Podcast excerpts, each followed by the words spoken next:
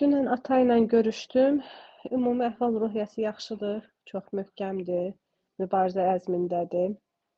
Ümumi saxlama şəraiti ilə bağlı heç bir şikayəti yoxdur.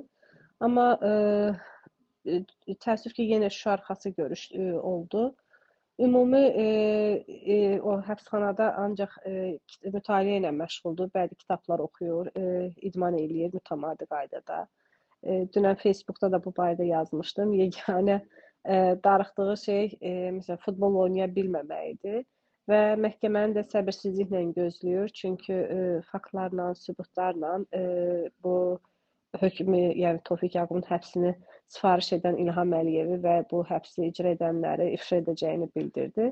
Yəni məhkəməni gözləyir o da. E, bu günlərdə ev dustaqlığı ilə e, bağlı verilən şikayətin Ərmənov məhkəməsi təmin etmədiyi üçün ondan apellyasiya məhkəməsinə şikayət verilib və apellyasiya məhkəməsi indi bu gün bu həftə olacaq, olasıdır. Onun vaxtı hələ bilinmir,